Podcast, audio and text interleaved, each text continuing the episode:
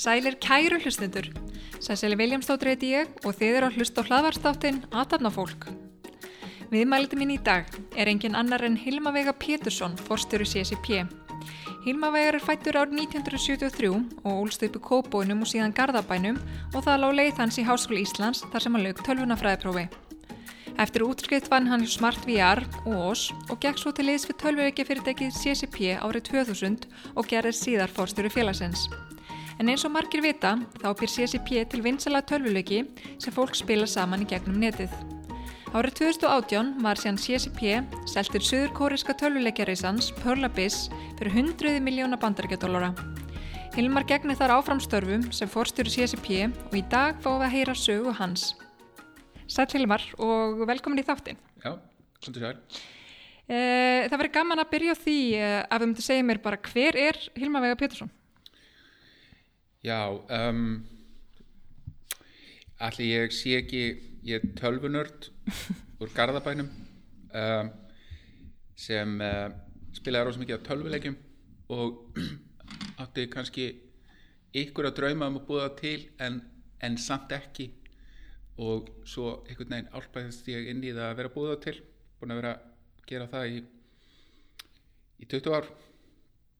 Það verður ótrúlega hérna stór partur af hérna, sjálfsmyndinni það sem maður er að gera, sérstaklega þegar maður er Íslandingur Akkurat, varstu mikið að, að hérna, spila tölvuleiki þegar þú varst yngri og, og svona? Já, ég spilaði tölvuleiki mjög mikið. Um, kannski bara eins og krakkar ekki í dag en það var ekki svo algengt þá. Þannig að hvað ég að verið nýjára fekk ég hugmynd að ég þyrta eiga singler spektrum og hérna fóröldurinn mín er engan skilning á því. Um, og ég kannski ekki heldur, ég haf aldrei séð tölvu eða þekkt engan sem átti tölvu. Ég sá bara auðlýsingu í bladi og ég fór að bera út mokkan til þess að sapna mér fyrir Sinclair Spectrum svo fór ég í kauffélag Haffyrðinga keifti mér Sinclair Spectrum fyrir 6.450 krónur sem að var ígildið þess að bera út mokkan held ég í nokkru mánuði, ég man ekki alveg hvað marga. Svo sit ég með þessa tölvu með gúmitökkunum fyrir framann svarkvít sjónvarp fóröldra minna og, íst, og ennska orðabók að reyna að finna út úr því hvernig maður tengi tölvuna við sjónvarpið það tók bara bara nokkra daga að finna út úr því það kunni enginn á heimilinu ennsku og ekki ég var bara með orðabók frændi minn var rafvirki einhvern veginn komið þau saman, fundum útsendinguna og svo kefti ég tölvublöð og fór að stippla inn tölvuleiki á gúmitakana. Akkurat. Og hérna, var það kannski þessi svona áhugin sem dróði í tölvunarfræðina eða? Já, sko, ég hérna, var svona mikið að pæla bara eins og fólk gerir hvað maður ætti að verða. Og mér svona heilt yfir uh, bara gekk ágitlega í skóla og, og sá svona nokkuð fyrir mér. Og, og það sem ég kannski hafði áhuga á var svona líffræði og efnafræði uh, hafði mikið áhuga því. Og náttúrulega mikið áhuga á tölvum en, en hérna, á þessum tíma var það svolítið fjarrænt að sjá það fyrir sér að, að maður geti unni við það. Það voru engar fyrirmyndir Veist, það var fyrir skóla sem var að gera vírusvarnir auðlýsingarstofur voru náttúrulega makka og fólk var búið til bókaldshjópunað mm. og, hérna, og þetta var svona hugmyndinu um að vinna við tölfur og mér langaði ekki að búið til bókaldshjópunað ég hef reynd að gera það fyrir hérna, fyrirtæki pappa míns á synkra spektruminu og þótti það ekki beint aðlandi vírusvarnir uh, bara einhvern veginn uh, maður, maður, ég þekkt ekki Friðrik Skólasson og og, og auðvilsingastofur svona eitthvað, eitthvað fjarrand þannig að ég sá fyrir mér sko já allir fer ekki bara í líffræði þá er svona í stifjölum út í mýri að stelja skortir, sé hvernig það er. Efnafræði, þá eru svona einhverju stofu að týdra en ef ég fer í tölunafræði hvað myndum að gera en ég fer samt í tölunafræði og eiginlega bara fyrsta árinu ennþá bara til hversi óskupalum er maður að læra allt þetta og svo einhvern veginn svona í gegnum háskólan álpast maður upp á internetið og það verður eiginlega til þarna bara þegar ég er í háskólanum ég er í háskólanum hérna 93 eitthvað svoleiðis. og hérna Netscape eða Mosaic betan er að koma út og ég man fór fyrst á internetið svona eins og fólk tengir við það á okkur sólaristörfu upp í, upp í hérna teknikorðum og fann út hvað búið margir í Peru á CIA Factbook og svo var eitt strákur í tölunafræðinni að hann sá um rap síðuna fyrir Yahoo og þetta var svona einhvern veginn að vera til. Og þá allt í hennu, já, hei, þetta er eitthvað. Og, og þá fór maður nú að, að vera meira spenntir fyrir þessu. Akkurat. Og náttúrulega, ég menna, þú ert búin að eigða náttúrulega mestum hluta æfi þinnar uh, í þetta, við þetta komandi að svona tölvuleikja gerð og svona kannski þitt frægasta afreg, hérna, er náttúrulega að þú varst fórstöru CSIP í, hérna, í 16 ár, uh, tölvuleikja fyrirtækisins og þetta fyrirtæki var stopnað 1997 og þú byrjaði að vinna þarna það ekki í kringum 2000. Uh, getur sagt okkur svona uh, söguna á baku fyrirtæki hvernig það var stopnað og svona hvernig það kom til að þú byrjar að vinna þar? Já, sko þetta byrjar einhvern veginn svona. Ég er þarna upp í háskóla aðeins búin að fatta til hvers maður myndi verða tölunafræðingur í gegnum það að internetið er að fæðast þarna fyrir framamann hann var náttúrulega til en var svona mjög akademist uh, en fór að þróast þarna mjög hratt. Og net netbólan er svona já, veist, hún er byrjuð að, að svona aðeins að gerja hérna, mann ekki alveg hvernig netscape fyrir að marka en það er nú eitthvað svona eitthvað þarna á söpuðum tíma. Og, og hérna Ós var þarna uh, líka verða til verður náttúrulega til hérna mjög snemma held ég 92 stofnar Guðan þetta 12 eða 14 ára. Og, og það voru svona uh, fólk að vinna þar sem ég þekkti og, en mér fannst það svo fjarrand eitthvað að fara að vinna í Ós það voru bara snillingar sem unnu í Ós og, og mikil svona markasæðferð hjá þeim í kringu það, það voru bara snillingar að vinna það og ég upplöði mig ekkert bara þar og sá ekkert fyrir mér ekkert ekki vinnu þar. En svo er ég eitthvað þannig að ég er eitthvað svona kerfistjóri þarna í, í, í, hérna, í háskólanum sjáum eitthvað svona netkerfi eitthvað svona dót. Og ég var alltaf að leita mér að vinna með skóla oft braska að vera til og, og vera í háskólanum og þá kemur hann strákur sem heitir Harritari sem setna fyrir var hérna, doktor í tölunafræði og, og mjög, hann er snillingur og hann var að vinna í hós hann kemur svona flóttalega og lítur yfir salin og sér mig þarna heyrðu, Hilmar, hérna þú þarft að taka við starfinu minni hjá hós hérna, að því ég þarf að einbjöndum mér á skólanum. Og ég segi bara uh, nei, ég get það ekkert veist hérna, Harry var svona, veist, frekar klára á mínum að ég get ekkert verið að gera það sem hann er að gera, dætt mér svona í hug. Já, jú, jú, jú, kontu bara hérna, kontu bara með mér á morgun hérna, og, og, og, í, heimsók og ég bara eitthvað, ok, nú kúla sjá oss. Svo fer ég hérna upp í ost og smjörsölu hérna, sem oss var til húsa. Lappa svona inn og, og það voru eitthvað starfsmannafundur í gangi. Og hérna, og ég hef náttúrulega aldrei séð starfsmannafund og fannst það mjög áhugavert. Svo kemur hérna Magnús Ingi Óskarsson sem var frangatstjóri hjá oss eða uh, kemur svona til mér og horfir á mig. Já, Hilmar, þú ert að taka við honum harra er það ekki? já, já, já, hérna, ég, nei, ég er bara heimsagt, já, já, hvernig getur þú byrjað? og ég bara, ég er ekkert að fara að taka við harra. Nú, hver ekki? Og já, ég ætla bara að klára námið og eitthvað svona, fannst mér ekki alveg að vera tilbúin já, ok, hmm. okkur vantar líka kerfistjóra, hérna, getur ekki bara gert það? Og ég bara eitthvað, jú, ok ég get alveg verið kerfistjóri ég get ekki gert, ég var kerfiskóli upp í háskóla ég get alveg verið kerfistjóri í hús það er eitthvað sem ég geti gert með skóla þannig að ég bara, hérna, byrja á því og hérna og svo segir, já, ok, byrja bara á mándaginn Gaurin sem var í þessu tjópið áður, hann satt hann og það var svona um það byrja onboardingið Ok, og byrju, já þannig að þetta hefur svona meira hátar svona óvend stökk að neinn. Mjög óvend stökk. En hérna, hvað var hérna, hvað var Ós að gera á svona tíma? Ós var að búa til hérna The Metaverse uh, í gegnum Vaffermell, um, bara eins og þið líst í Snowcrash eftir Neil Stephenson og bara var komið mjög bara áfram með það svona hefsmáli hverða. Ok. Öruglega svona 50 árum og snemma en, en hérna en mjög spennandi og, og þar í rauninni kannski svona, veist, kynnismæður í gegnum að drekka úr brunaslöngum með drópataljara hvað síndaveruleiki samfélög e, þrývít og allt þetta verður til. Þannig að, að það var alveg ótrúlegu skóli og, og hérna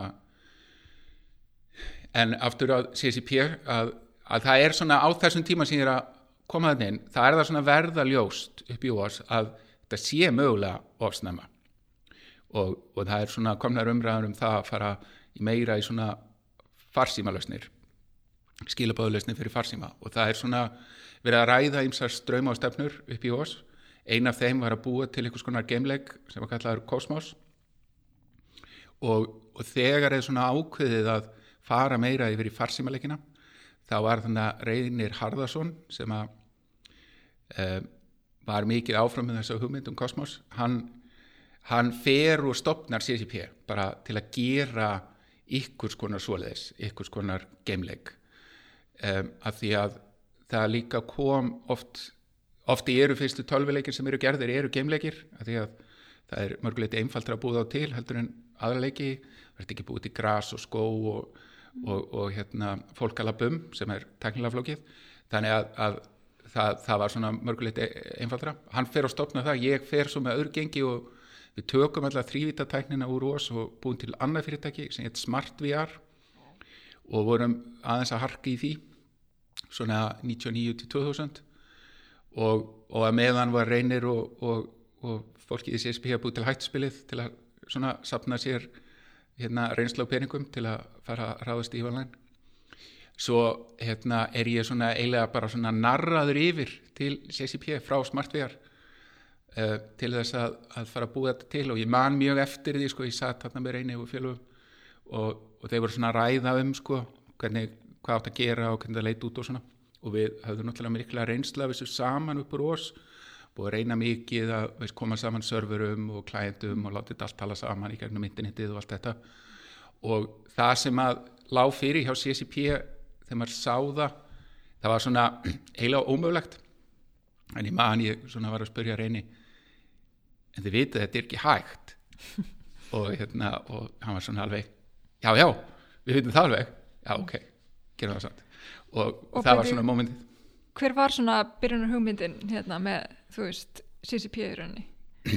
Sko, hugmyndin var sprottin upp á þessu held ég svona frægi sem var þetta Cosmos koncept upp úr oss sem var svona einhvers konar game upplöfun mm -hmm. var vissuleiti allt öðruvísi en, en samt það er það má alveg reykja svona frægið einhvern veginn úr því allavega samtalið og hugmyndin var alltaf að gera í rauninni uh, game tölvuleik sem var einhverju leiti inspireraður af tölvuleik sem kom út uh, tölvut fyrr sem heitir Elite sem var svona segja, svart kvítur, einfaldur leikur sem var samt gerðist í rosa stórum heimi og mörguleiti stórmerkilegt fyrirbæri. Og svo svona inspirerað af hérna Marceli multiplayer leikjum sem að voru að koma upp á þessum tíma. Ultima Online er að, er að koma svona á svipuðum tíma og Meridian 59 var hérna svona líka fæðast EverQuest var einhvers konar svona á leiðinni. Þannig að þetta var, þetta var svona mjög hérna frjór tími fyrir svona. Og, og mörgu leiti byrjar byrja mikið af þessu aktiviti í þessu vaffermell heimi þar sem menn eru með svakalega stórar hugmyndur um að breyta öll internetin í 3D bara 1-10 fyrst er interneti í 2D svo mm. í 3D það augljóslega hefur ekki gerst og er líklega 12 í það en þá þannig að, að margir af þessum sem að voru að vinna í í svona þessum massílu multiplayer leikjum voru oft komnir úr þessu umhverfi og eru þá að fara að gera eitthvað einfaldara eins og það búið til tölvuleik mm. og okkur fannst það komandi úr ós að þetta veri nú miklu einfaldara og, og þá sérstaklega viðskiptamódelslega séð að því að þessir leikir sem voru að koma að marka þeir voru seldir í áskrift, Ultima Online borgaði nýju dollara og eitthvað á mánuði til spilan og, og þar leindi var bara business mótelið í rauninni leist það var nú partur af, mm -hmm. af bröldinu oft í Wars að það var svo óljóst hvernig að þetta er það business Akkurat. og það var mjög aðlægandi á þessum tíma að hafa bara einhverja einfald aðferð eins og þetta mm -hmm. bara leikurinn er í áskrift mm -hmm. Og svona, hvernig voru svona fyrstu mánuðinir á þessu nýja vinnustað og hérna, verðandi hluti af svona skapandi teimi og allt að gerast Sko þeir voru að mörguleiti bara e, pílitur svona deja vu over again. Að því að þegar ég byrjaði þarna hjá OS 96 og þegar ég byrjaði hjá CSIP í byrjun 2000 stemmingin er ótrúlega svipuð.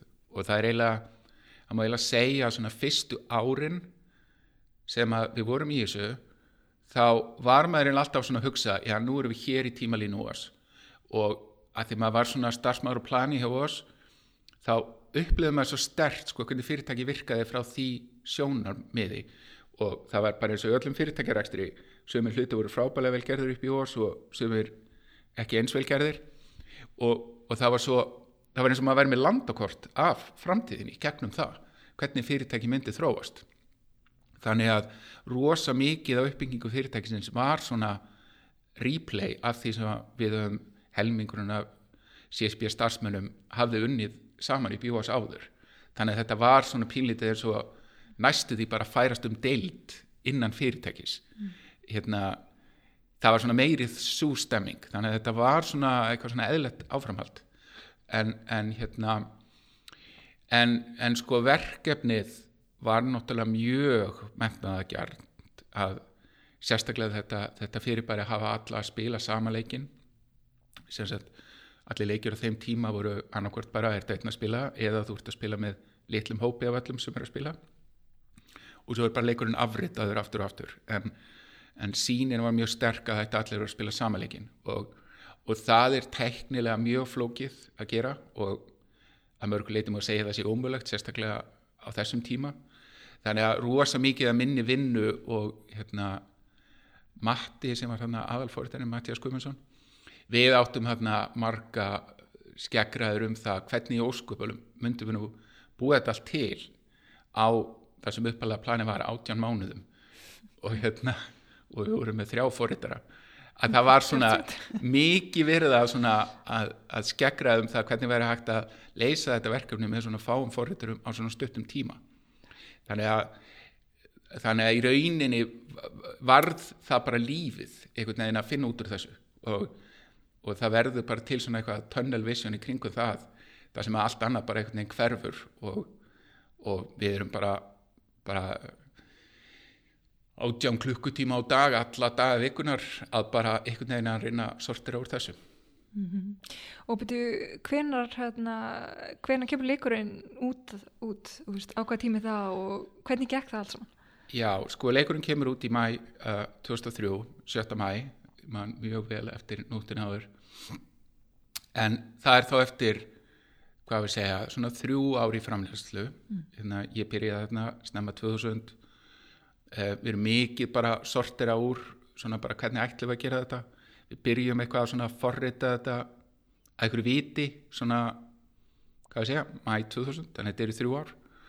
Og, og það er náttúrulega gengur ímislegt á þessum þremur árum þetta, þessi þrjú ár eru kannski bara eins og tíu ár af því að það búið að þjappa tímalíninu svo mikið saman og veist, það veru allar helgar unnir og það veru, veist maður var bara, maður borðaði alla máltíðir í vinnunni, maður svafi í vinnunni veist, þetta, þetta var alveg sko, ég fór einhverjum tímpunktu búið til tímabók allt ótrúlega förðulegt koncept eftir að higgja, það var svona hæskórlisti um hverju vann mest og svo var tala við fólk sem var niðanlega á listanum. Og, og píliti svona passive-aggressive system sko, það væri ekki beint eitthvað sem maður myndi gera í mannstjórnum núna sko. Og, og bara til að gefa fólki einsinn í það sko, efstu menn voru í 400 tímum á mánuði sem eru sko 100 tímar á viku. Sko skurrlagna intern að vinna svona 80 tíma á viku sem er líklega veist, það, það mesta sem fólk gerir og er, er náttúrulega spurninga hvernig þið gera það en, en veist, það er það sem eru heilt en að efstu menn voru í 100 tímum á viku og það er algjör kleppur að gera það eittir úr mm -hmm. Já og þú er náttúrulega þarna fyrstu sinn náttúrulega varst að forita en hérna síðan tekur þú nú við hérna framkvæmtastjóru stöðinni þarna eitthvað nokkur síðar og hvernig kom það til og svona, og, og svona hvernig var svo breyting fyrir þig? Já sko það gekk mikið á sko ekki bara í að, að hérna búa til leikin sem var náttúrulega veist, eftir á að higgja ómögulegt en einhvern veginn gerðist það með þessari klepparavinnu sem við lýsa en það að, að starta fyrirtæki á Íslandi og fá það fjármagnað var alveg önnur eins klikkun sko. Eh, Þetta byrja nú allt mjög vel, hérna CCP heldur svona einhvers konar útbóð í byrjun 2000, þannig að sepaðum tíma að ég er að koma, það er alveg rísastórt, haldið á kaupþing, fjórfald yfirskrifað og alveg sko, hérna, það var safnað 160 miljónum á þeim tíma sem voru eitthvað á því gengi svona 1,6 miljón dollara sem voru bara sturdlaður upp að þeirra á þessum tíma og hérna e, ótrúlegt success. Þetta er svona þetta er eins og ég segi, þetta er svona massa april og bólan er að springa á samt tíma út í bandarækjunum en fréttirnar er ekki alveg komnar til Íslands. Þannig að, Hættulegt. þannig að hérna, það var aðeins meira lag á samskiptum þarna. Netflix byrjar að hjáðuna svona eitthvað tíman í byrjunu janúar eða svona í lók 99 og eins og ég segi, bólan er svona alveg að fara að leika niður hérna en, en þetta gengur mjög vel. Og það var svona um það bil he helmingurinn og peningunum sem þurfti þegar við virkilega settumst yfir þetta. Og, og þá kemur mjög fljótlega í ljós þarna setna árinu 2000 að við erum bara með pening fyrir helmingum og og um, og það var ekki hægt að reysa peningum þá. Þá er bólan sprungin og allt sem hefur með internetið að gera er bara, veist það er bara það var svona eins og að vera bankastarfsmæður 2009, veist, það bara það var bara ekki cool. Internetverkamenn voru bara, hérna, bara, bara útýst úr öllu. Þannig að, að fyrirtækið svona nær ykkur negin að skrapa peningum saman þarna í lok 2001-2001 þar kemur landsými Íslands mjög trösturinn uh, landsýmin er eiginlega ástæðan fyrir þetta fyrirtæki til uh, landsými Íslands hétt þetta, þetta var ríkisfyrirtæki á tímanum fjárfestir hérna í útbóðinu um, kemur myndilega aftur inn hérna á 2001 og svo fjárfestar sem að voru með og þá voru við kannski konum með svona 70% af peningum sem þarf. Og svona í gegnum 2001 þá er þetta svona að verða búið. Og ég man svo heldur við starfsmannafundi ekkert um hennan í Lúok 2001 held ég. Og þá eru peningandi búnir og við fundurinn bara svona já já við erum svona 70% búin með leikin kannski 60, þetta er ekki alveg vísindi. En við sjáum til lands við eigum ekki peninga það er einna nokkrir á okkur sem ætla að halda við náfram uh, við ætlum að við erum búin að borga leiguna. Við letum land hérna Uh, hérna, sá sem áttu húsnæði fekk hlutabrið í fyrirtækinu. Frábær fjárfyrstinga eftir óhegja og, það- og ljósum er það kveikt og við erum með eitthvað kreditkort og ekki kæft eitthvað pizzur og eitthvað svona en uh, er ekki hægt að borga laun. Veitu, hvað eru þið gamlið þarna á þessum tíma? uh, hvað eru gamlir? Tu- ég er svona 28-9 ára held ég. Hérna, og, og ég var nú eiginlega ekki búin að taka laun sjálfur í hálft ár áður en þetta kom. Hérna, uh, og, og það var svona einhverju búin að taka þann baka uh, en, en svo var þetta bara búið og við heldum fundin og svo mæta bara allir í vinnuna daginn eftir, hættengin. Og við hérna, höldum áfram þrjá mánuði að hans að borga nokkuð laun. Svo fyrir ykkur kraftaverk eða það er ekki ykkur kraftaverk það voru, hérna, það voru menn sem unni mjög hart að því það var hérna eh, Sigur Ardljáfsson var hérna frangatstjóri og, og hérna Frosti stjórnaformaður þeir náða að landa hérna samningi með saman og sjóster sem að var útgáðu fyrirtæki í bandarækjunum og þeir með sko fyrirfram greiðslinni á móti útgáðuréttinum ná að bústa fyrirtækið upp þannig að við gátum byrjað að borga laun aftur. Mm. svo reyndar við með þannig hala á eftir okkur um ógreitu launin alveg mörg ár. Já, en, en, en þeir peningar svona næstu því dugðu uh, til að gefa leikin út. Það var reyndar hérna, þeir dugðu samt ekki en svona upp á vona óvon margir sem koma því máli. Hérna, nýherji uh, redda okkur tölvum. Hérna, aftur landsýmin sem þá var orðin símin byggði upp uh, customer support hérna, unitið okkar. Og, og það voru margar svona funksjónir sem við, við sem fyrirtæki hefum þurft að gera þar sem að, að fólk kom bara mjög myndalega að þessu og ég nefni sérstaklega nýherja og síman hérna, þau tvö fyrirtæki eiga bara rosa mikið inn í því að, að þetta hefur komist að því við vorum gjörsanlega búin með alla peninga til að fara að byggja upp þjónustu veru og, og, og kaupa alla serverina. Og gátum ekkert keift þá upp á lán sko nema frá nýherja. Og, og það var það voru menn þar sem að tóku mjög myndalega veðmál á að, að þetta myndi ganga upp. Magna, magna. Býtu og hérna, býtu og þarna sko þegar þeir eru þess að þið gerir þannan útgáðu samning í rauninni við, við þetta bandarska félag og, og það sem snýra því að þetta félag gefur, þú veist, eigi að gefa út leikin og náttúrulega, mæntilega þessum tíma þá er þetta náttúrulega bara geisladiskum eða eitthvað svoleiðs eða... Já, já, það, hérna fólk kaupir geisladiska í kassum út í búðum mm -hmm. og Mhm. hérna uh, þannig var það og uh, það að downloada leik af netinu var mögulega hægt en engöngu bara fyrir sko mjög svona early adopter crowd og ekkert markasplan í sjálfu sér. Þannig að við gerum þennan útgáðsamning og þetta er fyrirtæki sem hafa verið að gefa út svona B plus mínus leiki í bandarækjunum og svona, veist, hafði ykkur að dreifingu og eitthvað svona. En þá gerist nú frekar undarlegt atriði að sagt, Simon Schuster er að lenda í tölvunum vandræðum í sinum aðal búgrein sem er að gefa út bækur e, einmitt út af internetinu. Að hérna Amazon er svona að verða að ykkur og fólk eru að kaupa meira á netinu og allt viðskiptamótil hjá Schuster er að brotta niður hann í byrjun 2003 og í byrjun 2003 sem sagt eh, hálfu árin ef við ætlum að gefa út leikin þá lokar Simon Schuster tölvuleikadeildinni sinni þannig að allt fólkið sem að við vorum í sambandi við er bara, rekið og bara ekkert að ná, ná í það.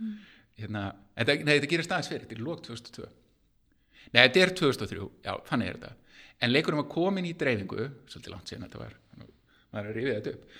Hérna, og leikurinn er komin í dreifingu og hérna kassarnir er í channel það er búið að dreifa 30.000 kassum og, hérna, og við bara, já ok, við erum bara að gefa leikin út Veist, hann er næstu því hann var eiginlega ekki tilbúin en, en hann var allavega starfhæfur og leikið og kassarnir eru komnir í dreifingu 30.000 kassar út um alla hérðir Og byrju hvaða árið þetta aftur þegar leikun, svo, hérna, kemur svo loksins út? Já, þetta er árið 2003 þeir sem er 2003, sloka já. deildinni þannig að snemma árið 2003 við erum með þetta, við ákveðum bara að halda áfram og, og hérna og bara koma þessu út og mikið debate sko, að býða þess að peningum að gera annar leik og alveg bara endalus rifrilt um það og hérna, en þessu þrjóskaði gegn, við gefum hann út.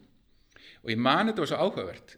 Hérna, þegar við gefum leikin út við erum búin að vera í betatesti hvað veist 160.000 manns í betatestinu serverarnir allir að bráðna niður allt bara því þetta væri eiginlega ómögulegt.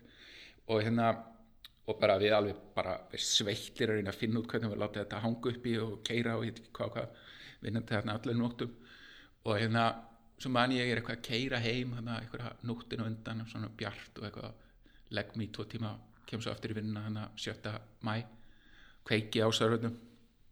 Og svo kemur enginn inn í leikin og, bara, og það voru bara veist, daginn áður þegar við vorum hérna í betutestinu þá voru alveg bara 2000 manna að spila og ekkert virkaði.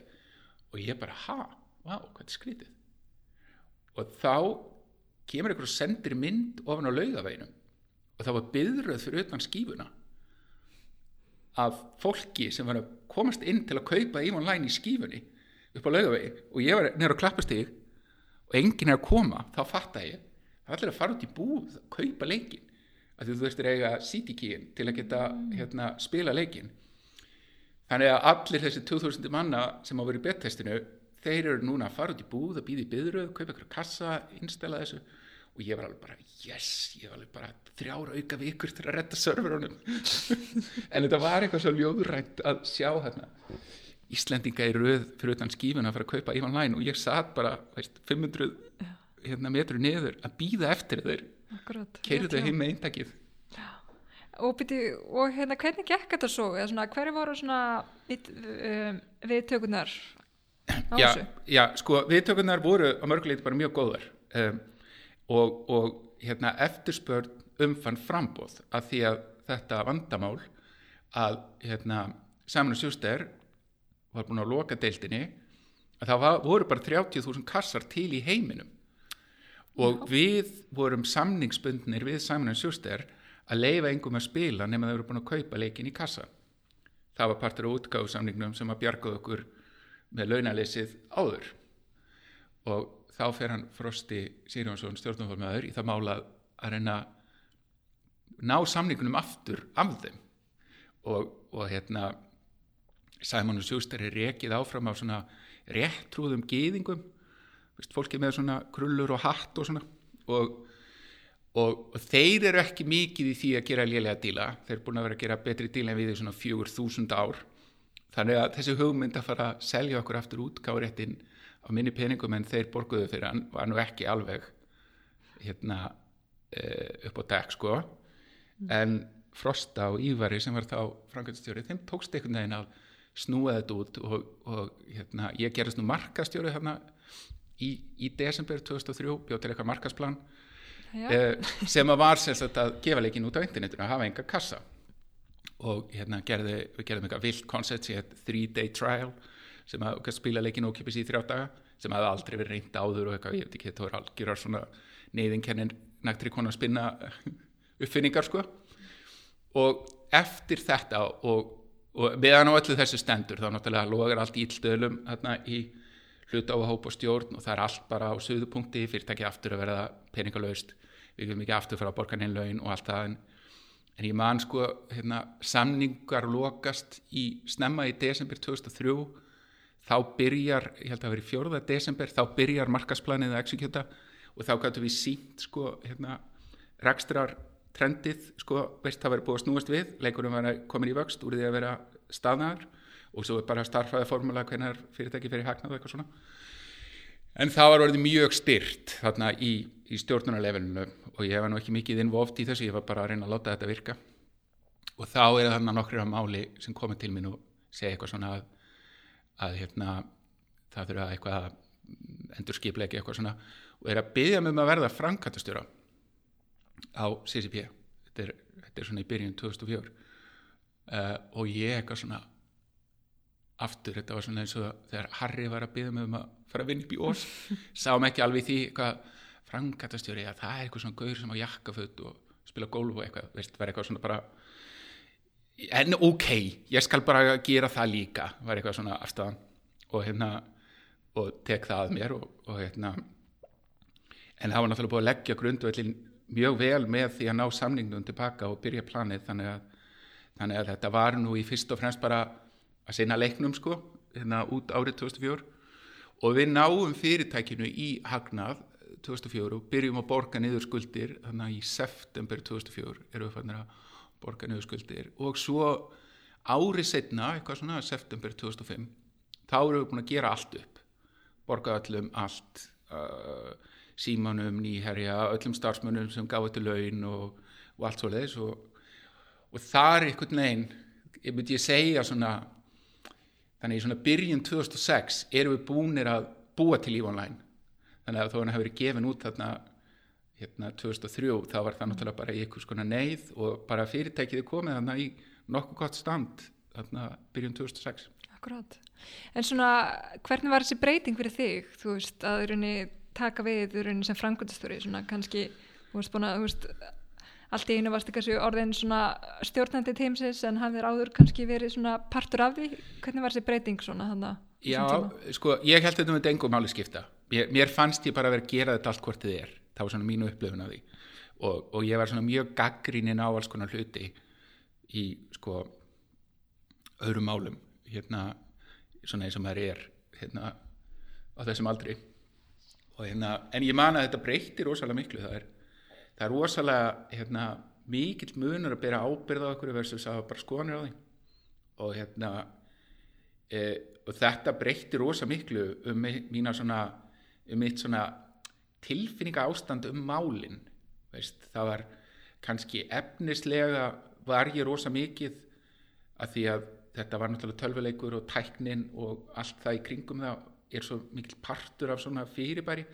Þannig að ég kannski var að að sko með svona, veist, kannski völd sem að, veist, breytust ekki mikið en ábyrðin er svolítið mikið öðruvísi þegar þú ert frangatastjóri fyrirtækinsins versus þegar þú ert bara teknistjóri fyrirtækinsins en hefur öll völd í hendinni. Og hérna ég maður þetta var, var alveg allt öðruvísi og allt öðruvísi en ég held að það myndi verða. Og það var einhvern veginn svona við öll líst þessu svona að voða eðvelt að standa svona fyrir utan ringin einhvern veginn sem er ábyrðin og benda svona inn í hann. Þetta þarf að svona pota í það sko versus að standa bara inn í honum og þú getur ekki kvartaðin einu með hann sjálfum þér það er ótrúlega mikill munur á því og ég held að það verið mjög holdt fyrir mig að, að, að ég mörguleiti bara að fá tækifæri til að gera það sko Akkurat. En þarna, já, þið eru sér búin að, hérna, búin að gefa leikin út og, hérna, og það gengur bara vel, verist verið að þið borgið allt tilbaka og svona, hvað, hvað er að tekur næst við? Hver er svona næstu skref hjá ykkur? Sko það sem tekur við eftir það er svona heims yfir á það tímabilið.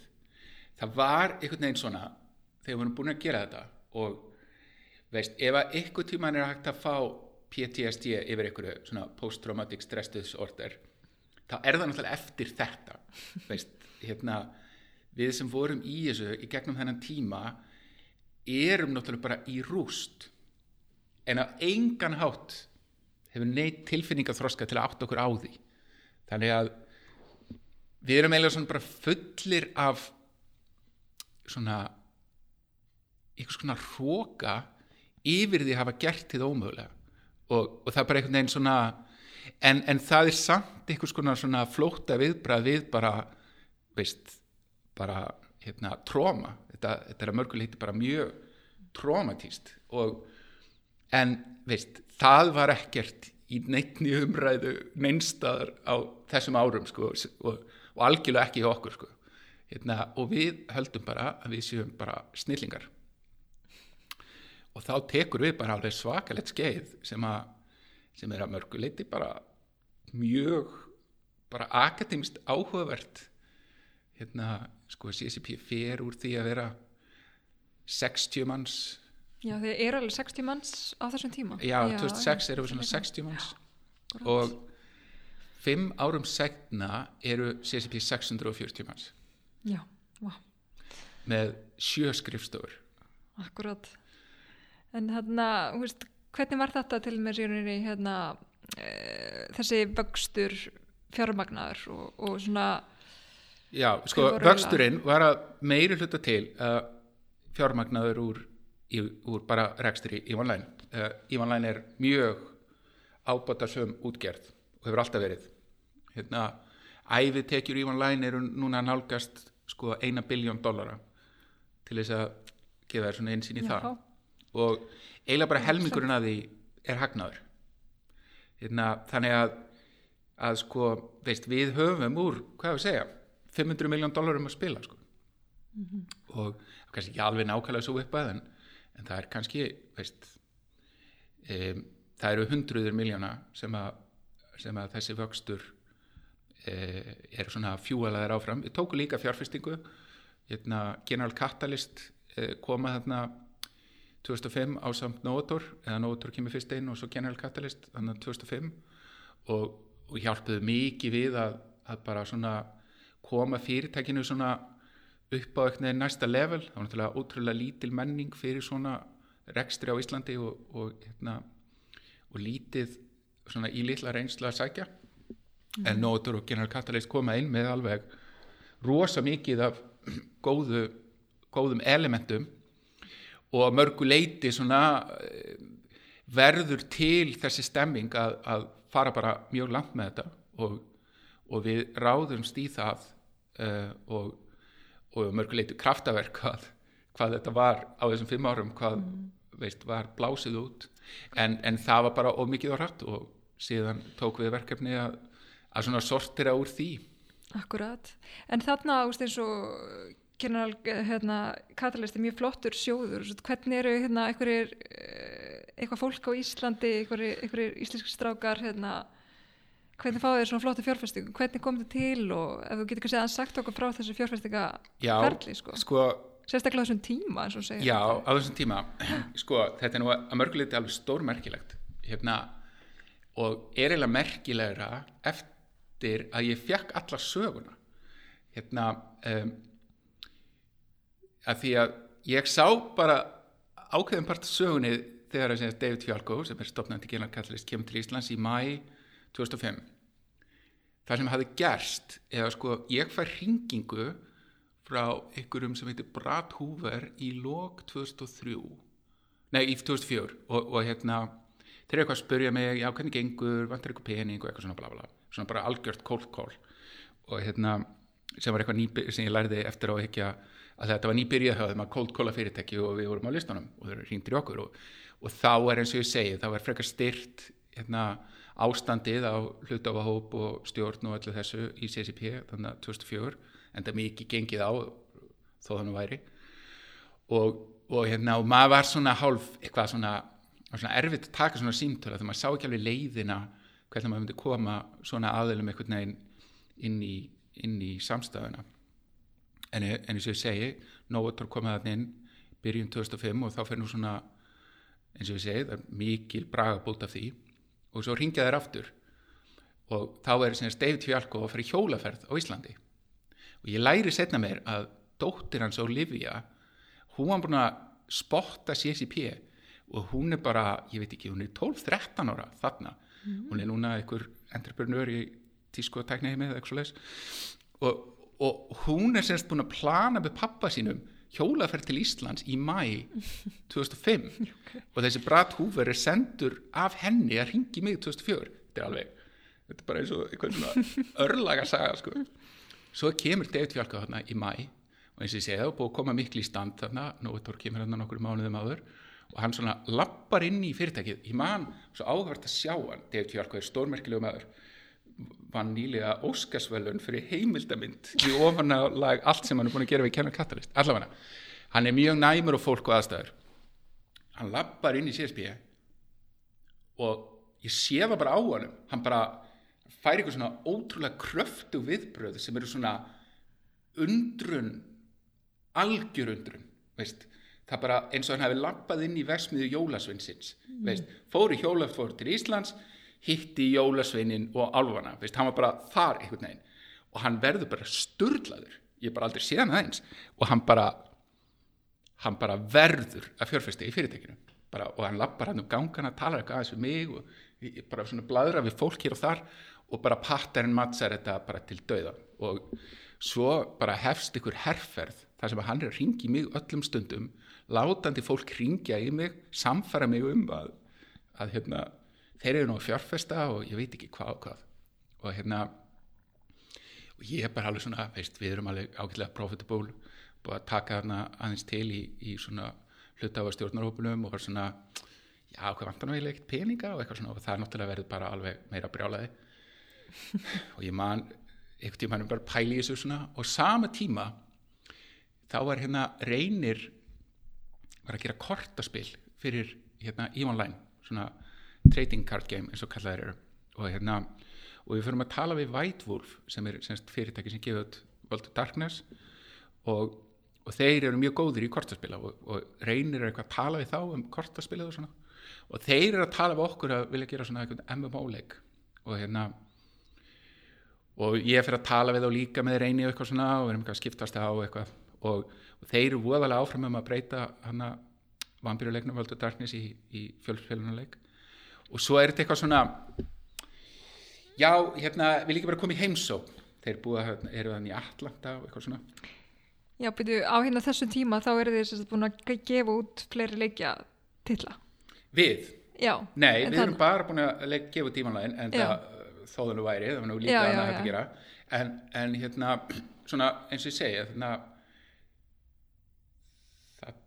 2000 og 5 er þetta, eins og ég segi, er þetta og, og þetta er svona aðeins fara að vera umræða hvað gera næst og, og þá kemur þetta hérna kortaspila dæmi og reynir bara að vinna í því og það var svona meira, svona bara eins og svona IP extension á, á EVE að hafa kortaspil og svo er þessi á ég frá General Catalyst og svo mann, við reynir um eitthvað plotta, já ok, förum að hittum eins og gaura hérna í Atlanta og til þess að komast til Atlanta þá þarf maður að fara í gegnum Boston sem er höfustöður General Catalyst. Og hérna og, og við erum hvað að plotta þetta og ég segi svona endalusu símtálum frá David Tjálko já, við erum að koma við í Boston hérna, við erum að fara til Atlanta að tala um fyrirtæki.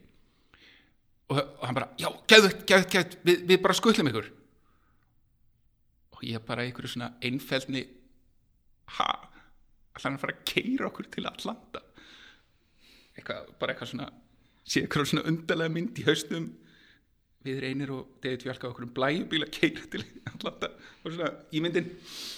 Og, og ég er bara eitthvað svona uh, ekkert pælið, seg, já við komum hérna eitthvað í næstu viku á fimmtæn ok, ok, kíkið og svo í flugvilinni búið við reynir til einhverja kynningu um að kaupa hérna Whitewolf og búið til World of Darkness. Við erum bara svona eitthvað að brainstorma í í flugvili eins og maður gerir og búin til eitthvað pápant og hérna svo förum við þarna inn á skrifstofni þeirra og hérna og erum eitthvað bara að fara yfir þetta. Og þeir verða bara alveg sturlaðir. Bara, það er bara, fólk er hoppandi upp á borðum bara bókstaflega. Og, og það bara, veist, þetta er æðislegt við erum að vera með, þetta er gett og benda þarna á einhvern gaur sem var hjá þeim. Bill Kong farðu með, á, með þeim til Atlanta. Bara og, og, og eitthvað, ég veit ekki hvað, og já ok, gerum það og þá kemur í ljóskaðurinn alltaf meða með að skuttla okkur, þá er það sjálfsögðu að fljúa okkur til Atlanta. Þannig að daginn eftir fyrir við þarna með Bill Kong, ég reynir í, út á enga flugvillin hana í, í Boston. Og ég man svona þetta var svona ákveðið moment, við erum að lappa inn í þeirra flugvél.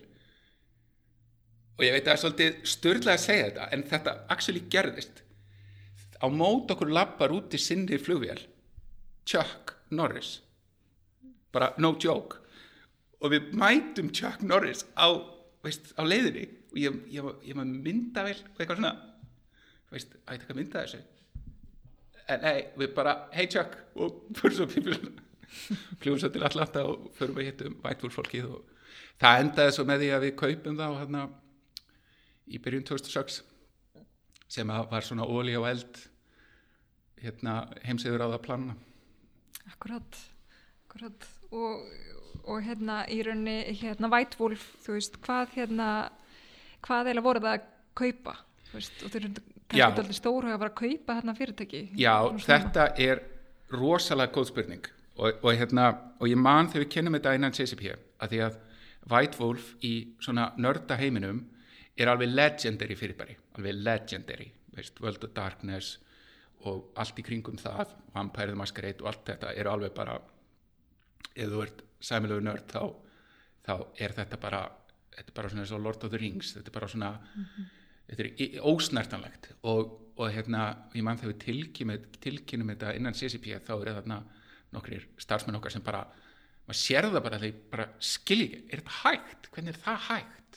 bara eins og ætlaðum að kaupa Google þetta var bara svona fálega hugmynd en en Whitewolf var í sjálf og sér mjög lítið fyrirtæki þeir voru í bókaútgafu og þó svo að þeir hafa verið stórir á, á hérna, stærsta tíma þessa bransa, svona roleplaying leggja og spila þá hafði hann minga mikið og var hann kannski aldrei neitt rosalega stóri í samvikið við tölvleiki þannig að þeir voru mikið að reyna að komast áfram yfir í tölvleiki þannig að, að í raunin eru við fyrst að fremst að kaupa IP en það er, fyrirtækið er eitthvað svona, hvað við segja, 30 starfmenn og, og, og við svona í ykkur barnslegri innfeldni höldum að, að fólki sem var að vinna í bótgáðgáðinni væri nú kannski veist, frábært til þeirra gerðar að fara búið til tölvleiki mm. sem var svona sprattpiliti af því að veist, við vorum bara ykkur strákar í Íslandi að búið til tölvleiki og það gekk.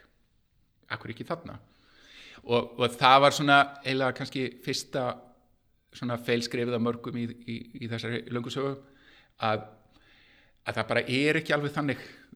Það er hérna þó svo að, að hérna við að mörgu leiti vorum bara eins og ég segi me, mestu leiti strákar nú því miður ekki margar sterfur í upphæðu það voru sér hægt fleiri núna e, voru náttúrulega búin að vera upp í Wars við vorum búin að, veist reyðilega flest allir háskólamentaðir og sem er alveg sprengmentaðir voru með hérna, doktor Kjartan P.R. sem er veist, með dóttarskráði í káseðlisfræði til að veist, leikja hana heiminn sko. mm. Þannig að, að þetta var náttúrulega svolítið einstakt heimi sem kemur saman mm.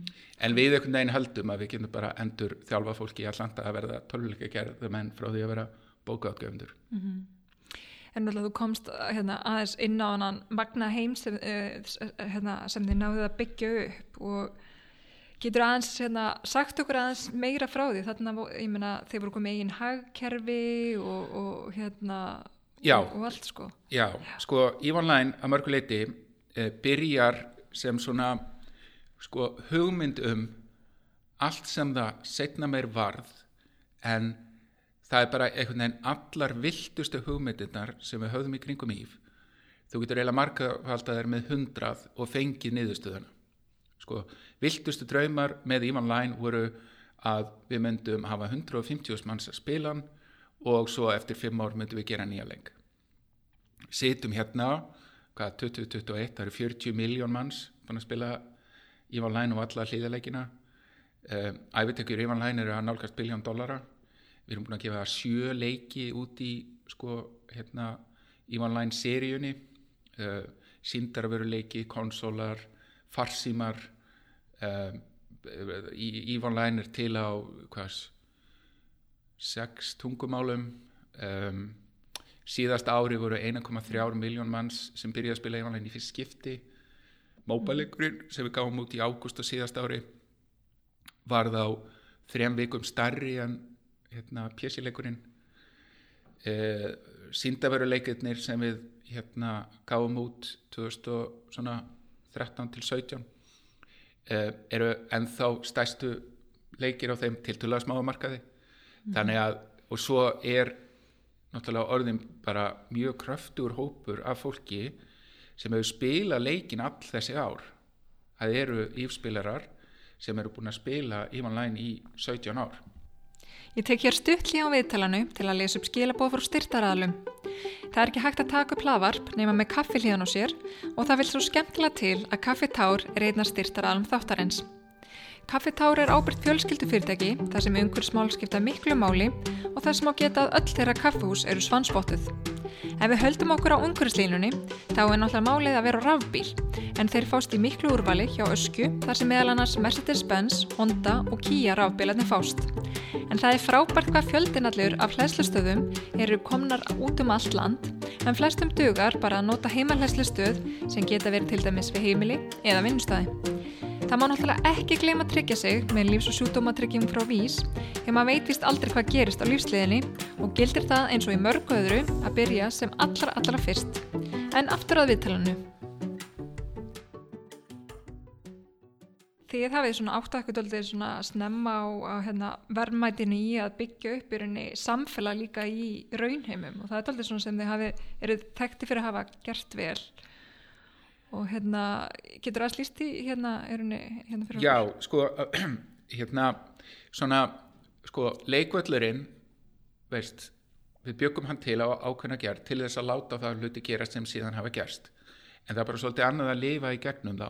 Og þegar þú færð inn svona mikið af nótendum sem að eru svona klárir það er hérna áhört með leikin að það er mjög flókið að spila í online.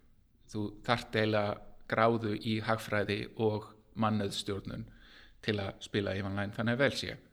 Að því að hérna, það að vera afburða í online spilari er eitt af mest krefjandi stjórnunaverkefnum í heiminum bara í heiminum.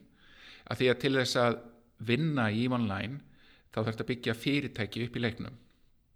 Og fyrirtæki er ekkert nema starffólkið í fyrirtækinu þannig að meðal, eða svona Ivan spilarar sem eru þarna efst á, hérna, á svona efstu stegunum þeir eru með svona 40 til 80 þúsund manns í vinnu. Og ég segi bara hreinlega vinnu. Mikið af því sem gerir Ivan Læn er eins og vinna og leikurinn hefur mikið gaggrindur fyrir það. Þú ert að mæn, þú ert að hérna, sækja námagríti á gameskipinu þínu, bróta það niður, búið til önnu gameskip.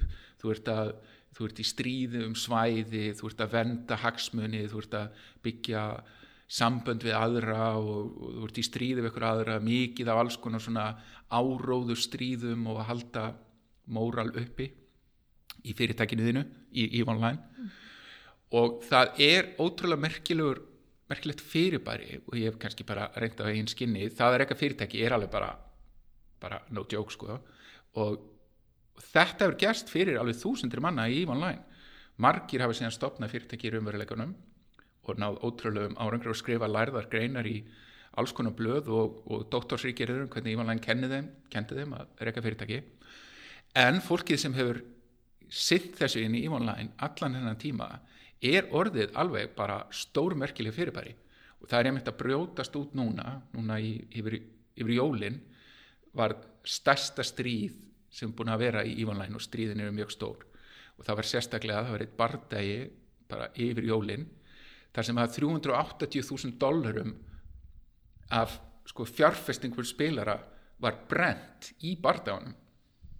Það getur ímyndaðir sko svona hvað er í húi í, í þessum bardagum og, og það sem gerist þegar búin að sapna saman svona miklum her af svona ótrúlega hérna öflugu fólki sem síðan er búin að þroskast með leiknum að þá byggiru til svona ofur samfélag sem að hafa ótrúlega sterka fyrirtækimenningu og, og, og við í rauninni lærum þetta af spilurunum okkar og allar þessi aðdándaháttíðir sem við hefum núna verið að gera það byrja á því að við sjáum að ífspilarar í þessum fyrirtækjum eru að halda útilegur barkvöld, hittast er að halda sínar eigin sko háttíðir sem er svona meira eins og stefnumótunar samkvörnum úr fyrirtækja og hópeflisferðir hjá alveg fyrirtækjum mm.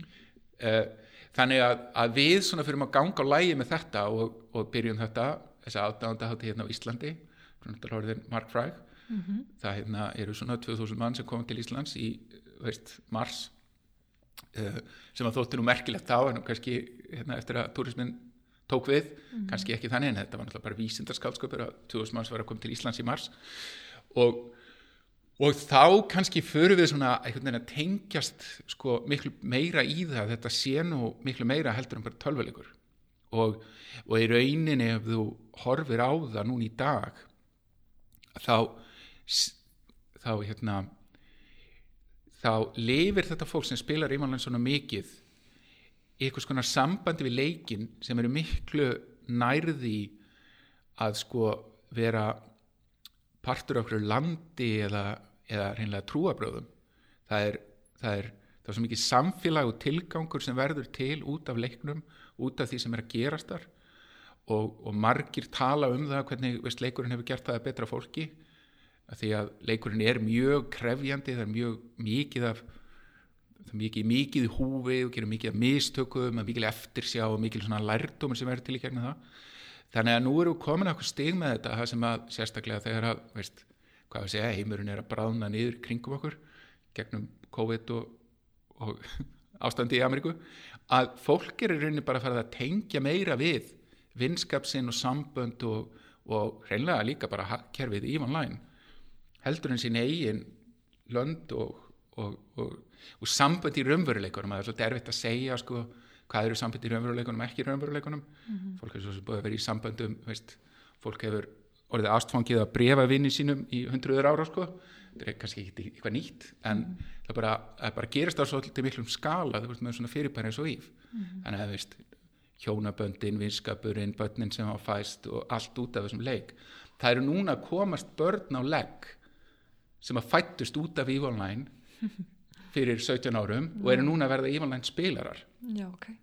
Og ótrúlega mikið af þeim er skýrt eftir fyrirbærim í leiknum og hérna, þannig að, veist, nú eru bara komin eitthvað stað með þetta sem er svona, það er ekkert kort veist, eins og við, eins og ég var að lýsa því hérna í byrjuninni með Ós, svona fyrsta árunni CSP, maður hafði svona landakortið uppur Ós. Nú eru við bara á okkur stað þar sem að hvað gerist næst, er bara ótrúlega miklu opnari spurning heldur en þú myndir halda þegar ykkur laukur er búin að vera í gangi í, í 17 ár.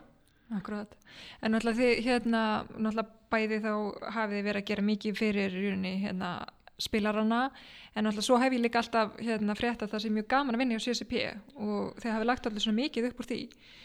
Svona var það í rauninni alveg svona einhver, einhver fyrirfram ákveðin stefna og svona veist, hvernig hvernig gerðu þið þetta? Sko það er grunninn til gaman að ráðast á ómögulega verkefni með fullt að klára fólki. Hérna, það er bara í, í grunninn gaman. Þannig að að það þarf ekkert að bæta eins mikið við það og maður myndi halda. Það þarf eiginlega bara svona mestmagnis að vera ekki að þvælast fyrir því. Það, það bara er svo náttúrulegt. Þess vegna eru ykkur sem tekur þátt í ykkur svona sprótafyrirtæki veist, það er gaman í öllum sprótafyrirtækjum veist, það er ekki gaman það að lukkast ekki en öll sprótafyrirtæki sem hafa nokkuð tíma verið til hafa verið skemmtileg. Og það er út af því að þú ert að ráðast á ótrúlega stór verkefni með veist, fólk sem er til í tuskið. Og það er bara í grunninn til gaman. Og, og aftur sem að fara upp í ós þetta var ótrúlega kröftugt í ós.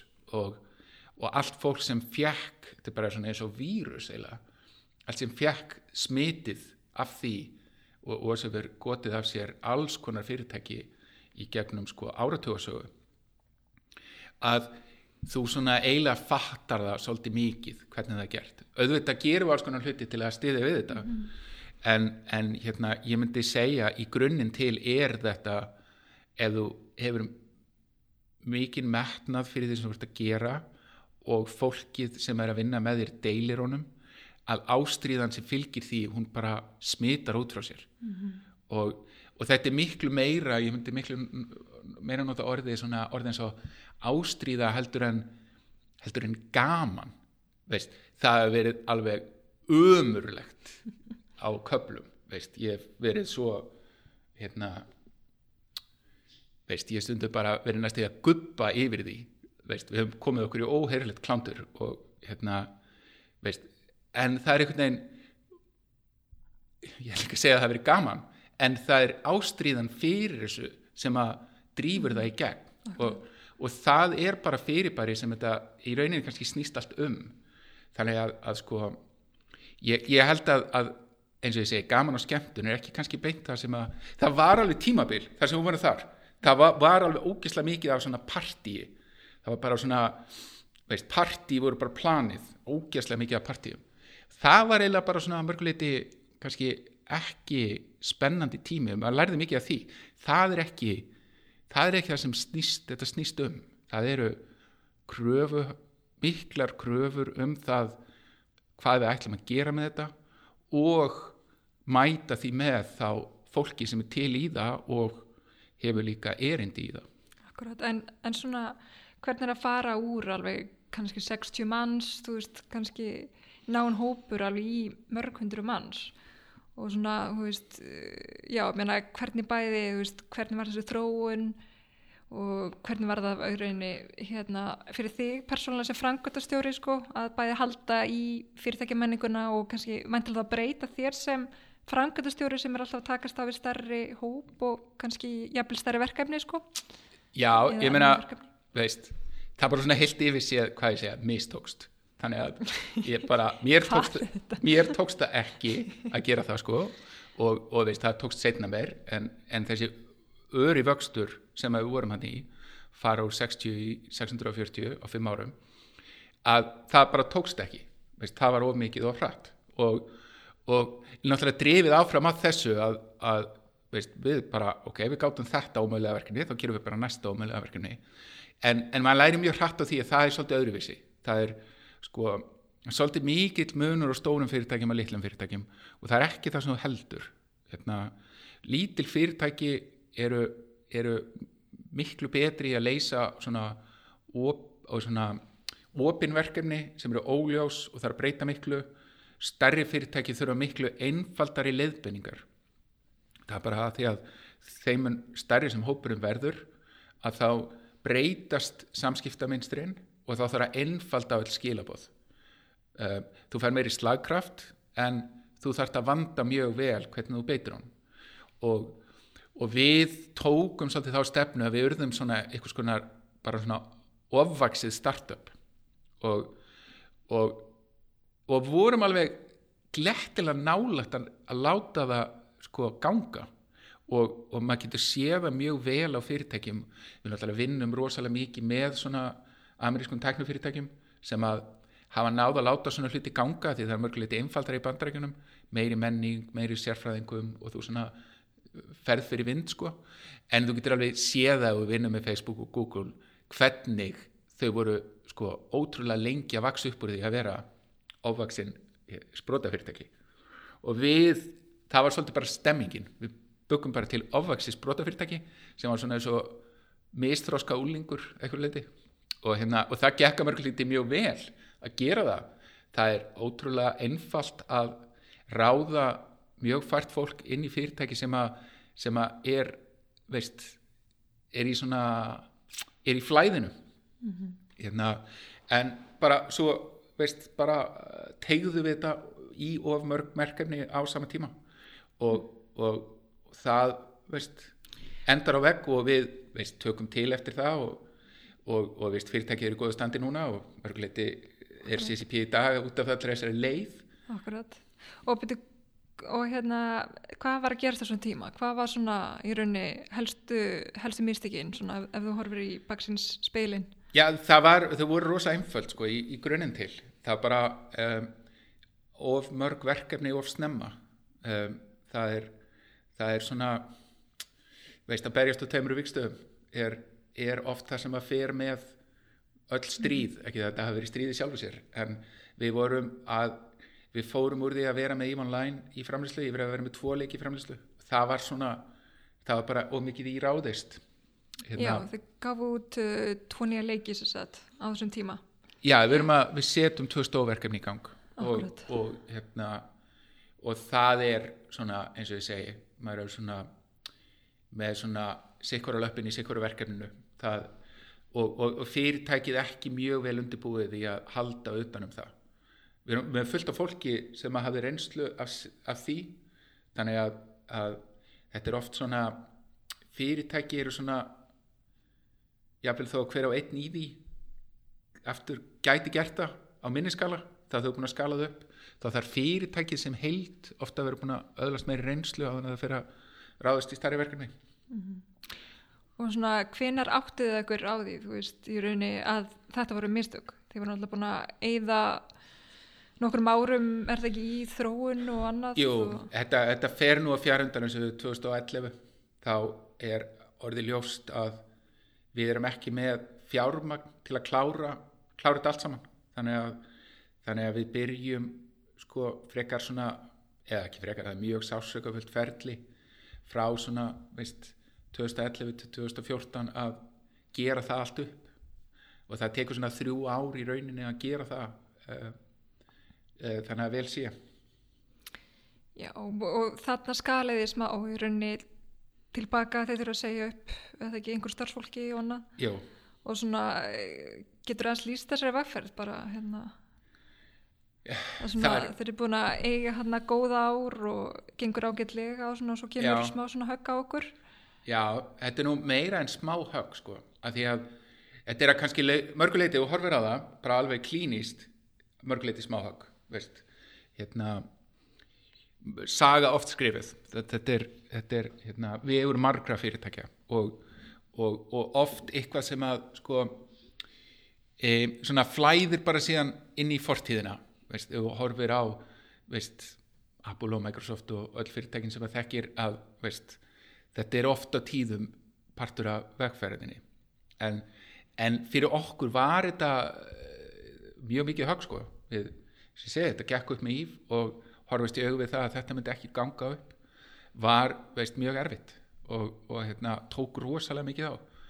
Og, og hérna, við vorum sem betur fer með fólk með okkur sem höfum ráðið sem að hafi reynsla af þessu að, að, hérna, að endur skipilegja fyrirtæki og það var nú kannski út af því sem það að einhverju leiti var bara mögulega hægt. Það er, það, það er mjög flóki mál að vinna úr svona og, og, og ná því á góðan stað.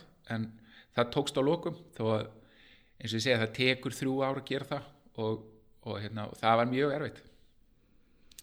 Já, akkurat. En hérna, en náttúrulega á þessum tíma þá svona hérna skala aðeins tilbaka og, og hérna ákveða að keira bara á eitthvað aðal vöru í online og hérna og svona eftir þetta, hvað þú veist í rauninni, hvaða stefnu takiði? Já, síðan förum við og hérna gerum síndaveruleika verkefni og hérna e, Þetta er náttúrulega mjög snemma í Mjög snemma, við, við fáum bara fyrstu okkilusgræðinar þannig að 2012 þegar bara fyrstu eru til. Akkurat. og við gerum þennan leik sem heitir Valkyrie sem var eiginlega bara lánstitill á okkilusrift og, og við gerum þarna fjóra síndaveruleiki veruleiki, við erum leika leiki uh, og þeir ganga veist, rosalega vel með að við markastærð en sá markaður hefur verið hægur í gang þannig að við við svona hægðum á því og veist leikinnir en það í gangi, fólk er að spila þá en þeir eru svona á live support. Um, og síðan þegar við svona fórum að sjá það er svona 2017 að þá ákveðum við að hætta í nýframlegslu og bara klára þá leiki sem við erum með og, og allt það. Við líka breytum fyrirtækinu tölvert á sama tíma sem var hérna, þó sem við erum búin að breyta mikið þarna árunum áður. Þá var fyrirtæki sett uppið mjög flókið með marga skrifstöður áfram og svo leiðis og við einföldum það mjög mikið erum núna bara í Evrópu og Kína og hefum ekki verið með neitt í bandarækjunum uh, maður er svona ég segi ekki maður þurfa að velja Kína eða bandarækjun en, en hérna það er ósað erfitt að vera á báðstöðum hérna allavega það tekur tíma að mynda upp hérna hvað við segja svona e, ferlan á strúttunum til að gera það vel. Um, og síðan þá erum við búin að vera að fókusa okkur á Ivan Line og við erum búin að breyða hann út tölvert það gengir mjög vel eins og alltaf í rauninni. Mm -hmm. og við sagt, gerum uh, farsíma útgafu af Ivan Line sem kom út í águst og hefur uh, farið mjög vel á stað með fyrirtæki sem heitir NetEase sem er hérna, kymist fyrirtæki. Og svo uh, árið 2018 þá seljum við fyrirtæki til kórianskst töluleiki fyrirtæki sem heitir Polabase Akkurat. Og hérna, já og þeir náttúrulega seldu fyrirtæki fyrir 425 miljónum bandarækjadólara sem verður nú að þykja að vera mjög gott exit og náttúrulega sérstaklega á íslenskan hérna mælikvarða. En náttúrulega þetta voru búin að vera nokkur ár og, og hérna síðan sig þú veist eins og alltaf þegar það var að tala um íslenska sprúta umhverfið það var ennþá verið að tala um sko þú veist náttúrulega bara þessar frábæru fyrirmyndir CCP, Marel og Össur og svona. Já en svo kannski fyrir okkur að vanda líka kannski fleiri nöfn hérna, sem við getum talið svona upp uh, hliðan af þessum. Hvað, svona, hvað heldur að, að til og með sísla geti svona doldi gert til að, að hérna, ídöndi þetta eða? Já, sko, það er hérna, hvernig er þetta nú aftur? Sko, Össur er 40 ára Marel er 30 ára og CCP er 20 ára. Og hvaða fyrirtæki er 10 ára núna? Um það er ekki alveg augljóst að sjá hvaða fyrirtæki verður tíu ára fyrirtækið. Að því að þetta er svona eitt fyrirtæki áratug er afkast að geta Íslands að, að því að virðist ef við bara mm. horfum á niðurstöðuna. Og vissulega sko hafa náttúrulega mörg fyrirtæki verið til og mörg svona einhvern veginn hérna gert alveg stónmerkilega hluti en einhvern veginn eru alltaf þessi fyrirtæki í umræðinni þegar kemur að þessu sem að bara ef maður horfir á það þannig þá er afræsturinn þetta eitt, eitt fyrirtæki á tíu ára fresti. Og, og ég held að það sé veist, mögulega einnigstæða fyrir meira kannski er þetta að fá þrjú á áratug en ég held að vera aldrei meira en það. Þetta er mjög erfitt og þetta er mjög brútal mm. að gera svona, maður er náttúrulega að keppa allan heiminn, það er allt undir og, og, og það er bara svolítið mikið af fólki í heiminum og bara ótrúlega mikið af því fólki er bara mjög fært til verka veist, Íslendikar geta alveg verið með sko en, en hérna eins og ég segi þetta er svona eins og að vinna gullvelun og olimpíleikum mm -hmm. það gerist kannski á tíu ára fresti. Hérna, uh, en, en, en ég held sko að bara eins og við erum búin að nefna ós ofta á þessum þessu samtali að þá náttúrulega er líka komið bara tölvöld mikið ekosystem í kringum CCP leikifyrirti á Íslandi, leikifyrirtikum út um öll lönd sem eru með CCP starfsmunum eh, annarkvort í forsvari eða þá stórfyrtæki með alþjóðlega stjórnendur sem eru fyrir CCP starfsmenn þetta eru náttúrulega nokkur þúsund manns sem hafa unni hjá CCP í gegnum þessi árild sé fasta fjögur þúsund manns yfir þessa 23 ára sögu. Þannig að, að það er náttúrulega orðið rosalega svona efniviður í að byggja upp meira. Sama hefur gerst með Össur og Marjál mikið alþjóðlegum stjórnendum sem að hafa orðið til í þessum fyrirtækjum. Og, og, og stjórnuna reynsla er ótrúlega mikilvæg í svona, bara eins og ég er búin að fara hérna yfir mitt eigi ferðalag. Mm -hmm. Vist, þetta er náttúrulega dýrasta MBA gráða sem nokt tíma, er ekki dýrust þannig að maður ger alveg, Vist, þetta er bara það sem það er. Mm -hmm. það er til þess að, að forða mistökum þá þarf þetta bara hreinlega að gera þau. Það er ótrúlega erfitt að læra þetta í bókum. Og hérna, en núna eiga Íslandingar bara tölvöld mikið af alþjóðlegum stjórnendum sem bara færir í, í miklu meira en við kannski vorum, veist, eins og ég segi Össur 40 ár, Marel 30, CSB 20 allavega myndi ég ekki veist, ráða okkur sem vorum að byggja í online kannski mikið í ykkur alþjóðlega stjórnarnastöður á þeim tíma. En margir sem voru þá eru núna að gera það uh, bæða á Íslandi og líka bara út um alla jærðir þannig að þannig að í gegnum þessi fyrirtæki hefur Ísland myndað rosa mikið mannöð og, og svo er framleiðslega á vinnuafli á Íslandi gegnum háskólakerfið, eitthvað sem er líka mjög mikilvægt þannig að það að koma þessu tvennu saman alþjóðleg stjórnunar einsla fólk sem er klárt og viljiðt að verka mm. þetta er svona blandan sem þú þart til að koma ykkur á veg og svo þarf þetta náttúrulega fjármagn og, og annað slikt mm -hmm. allir þessi hlutir eru smá saman að verða betri með hverju árunum sem líður og, og maður að sjá það er svona það eru fleiri fyrirtæki í umræðinu heldur um bara þessi þrjú hérna Já, já, akkurat. Mér til dæmis alveg ótrúlega að hverju díkótt er aldrei í þessu, þessum upptalningu. Díkótt, eins og ég held að sjá nú allir núna eftir þetta ár, er náttúrulega bara ótrúlega merkilegt fyrirtæki, ótrúlega merkilegt fyrirtæki. Algjörlega. En hérna, og ég meina, þetta er þessi formúla sem einhvern veginn kom saman hérna í raunni meðal annars auðvitað hjá hérna CCP eh, en ef við, víkjum aftur á sölunni, sko, þú veist, hvernig, eh, hvernig Eh, hérna, hvernig kom salan til og hvernig gekk þetta fyrir sig? Já, sko, salan kemur til svona, hvað við segja, pyramitaferli í uh, svona lók 2017 og þá var sko mikil eftirspurt eftir tölvuleiki fyrirtækjum bara í heiminum uh, og uh, hann hefur bara elfst ef eitthvað er bæði meðal fjárfesta og líka meðal stærri fyrirtækja.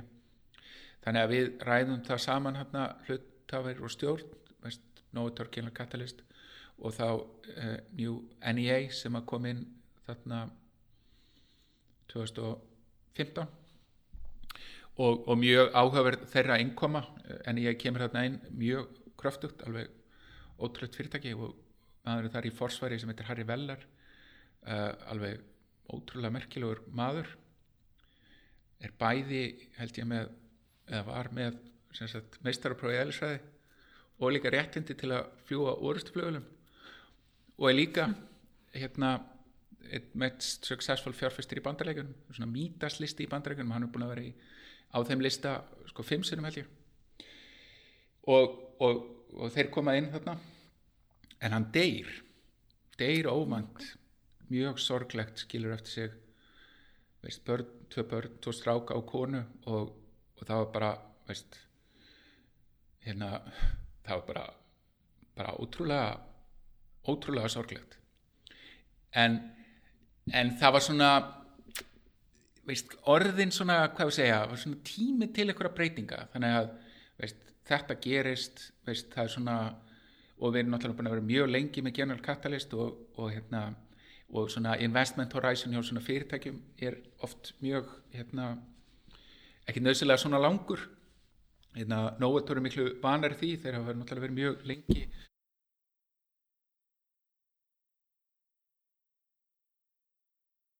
Og kennum bara prósess og sjáum bara hvað er í bóði og, og það ekki, ég er ekki að segja að koma okkur á óvart en það er rosalega mikil áhuga á þessu, ég held að við tala við 40 mismunandi sko, stórfyrirtæki og alls konar sögðum sem hafðu mikið áhuga á þessu.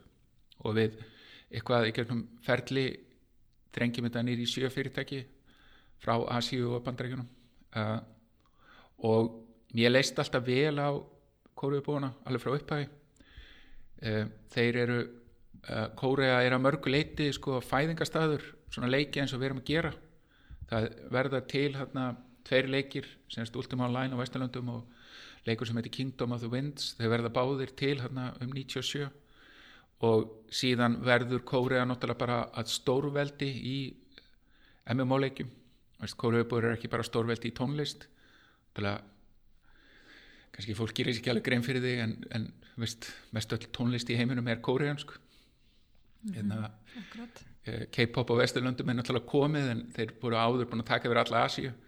Og, og hérna og, Kórea er bara stórmerklitt fyrirbæri í menningar tengdum yðnaði mm -hmm hérna, sjónvarsefni í Kína er að mestu öllu me, mestu vegni kórianst og eins og ég segi tónlistin er bara núna búin að vinna heiminn En svona, hvernig hefur gengið að aðlega hefur íslenska CCP við svona söður, söður korist fyrirtæki? Já, sko, það hefur búið að vera alveg ótrúlega skemmtilegt verkefni og gengið alveg rosalega vel. En það var eiginlega ljóst frá upphæði út af þessu sem ég var að nefna að sagt fjölspilunarleikir verða til þannig í Kóru og bandreikunum á sama tíma og upp hefur byggst þessi rosalega bransi hjá Kóruubúum þannig að þeir skilja þetta óheyrilega vel það eru mörg þúsundir manna sem hafa unnið við hérna, framleyslu tölvuleikja fjölspiluna tölvuleikja í Kóru og ég meina tölvuleikir sem bara hérna, partur af efnahægi Kóru eru risastórt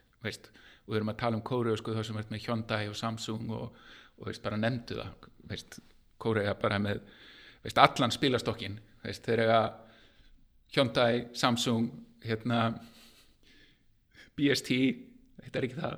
Við þurfum að vita hvað Kóru- K-pop böndin heita.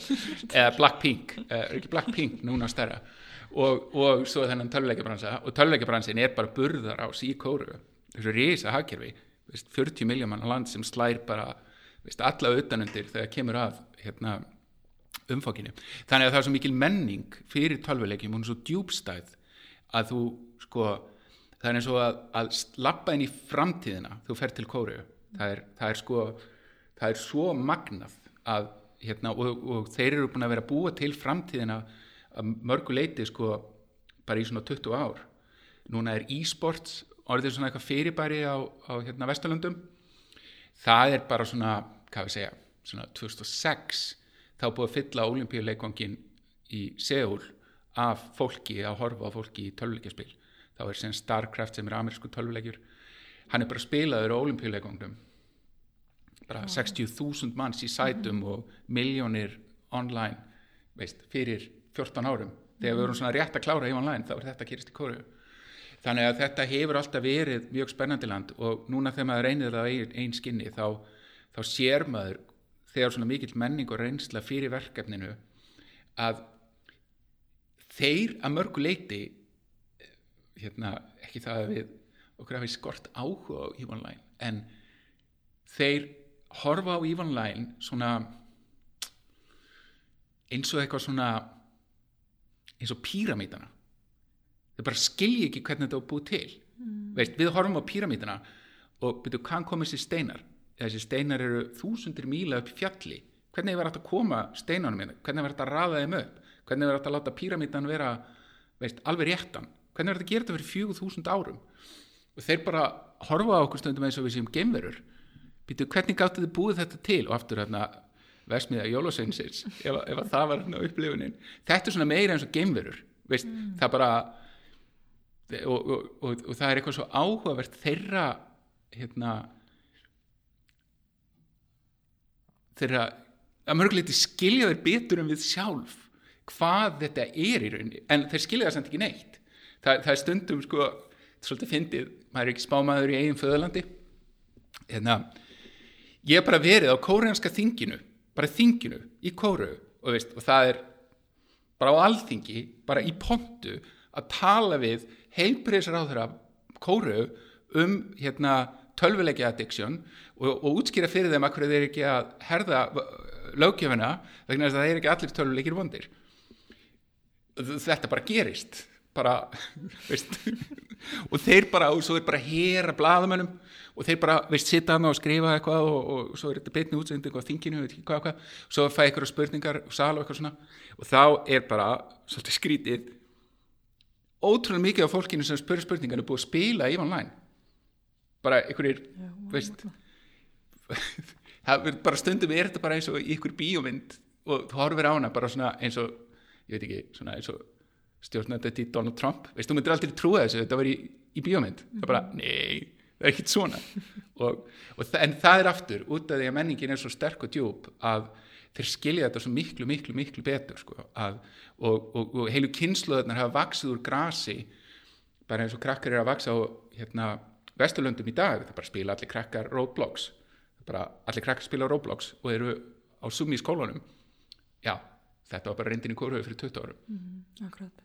En svona persónulega sko, er henni fyrir því svona, Hvernig er tilfinningin að selja fyrirtæki sem þú ert búin að, þú veist, eiga svona miklu tími að byggja upp svona til annars eigenda í raun? Já, eða sko, þú veist, Er eitthvað svona, er eitthvað mikið sem hefur líka bara breyst hjá þér, sko, þú veist, eins og í þínu starfi á annað líka? já, eða sko, fyrirtæki var náttúrulega alltaf í eigu ykkurs, hurmur hlut á stjórn og allt svoleiðis og afstafan hjá þeim Asíu fyrirtækjum sem hafa verið að kaupa fyrirtæki á Vesturlöndum og þar eru kýmversk og kóriðansk fyrirtæki mjög framalega í flokki hefur alltaf verið meira eins og þau séu hlutafar heldur en veist, við séum skona deild í Pólabés við, við erum í rauninni bara þetta er eins og nýr hlutafi hafi veist, tekið við keflinu en eitthvað annað. Þannig að þannig að sko að þeim leitinu hefur þetta veist svona mekanislega séð breyst ekkit kannski voða mikið.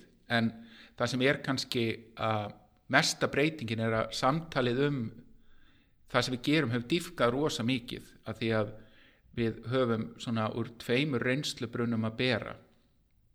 Þau þau náttúrulega hafa tölvert mikla reynslu af tölvuleika gerð eh, og við líka og bera saman bækur sko gerir það að verkum að samtali verður bara rosa djúft mjög snemma. Þannig að, að það hefur hjálpað báðum fyrirtækjum af því að EVE Online hefur, hefur sko gert hluti sem engin tölvuleikur hefur gert um, og kóruðubúðunir hafa síðan á skala sem engin annar hefur náð.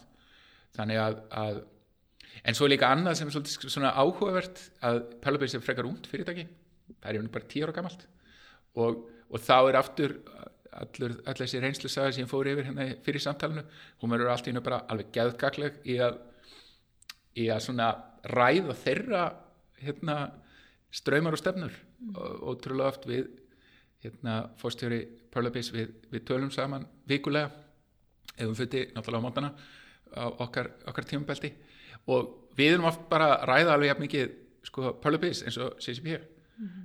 og, og, og það er svona ótrúlega skemmtileg stemming það er hérna um, það, það, það er það er svona veist, hitt var líka alveg svona nærandi og gefandi en þetta er bara svona eitthvað nýtt svona eins og, ég veit ekki þú væri, væri planta, þetta er svona eins og fari hann en jarðveg eða eitthvað.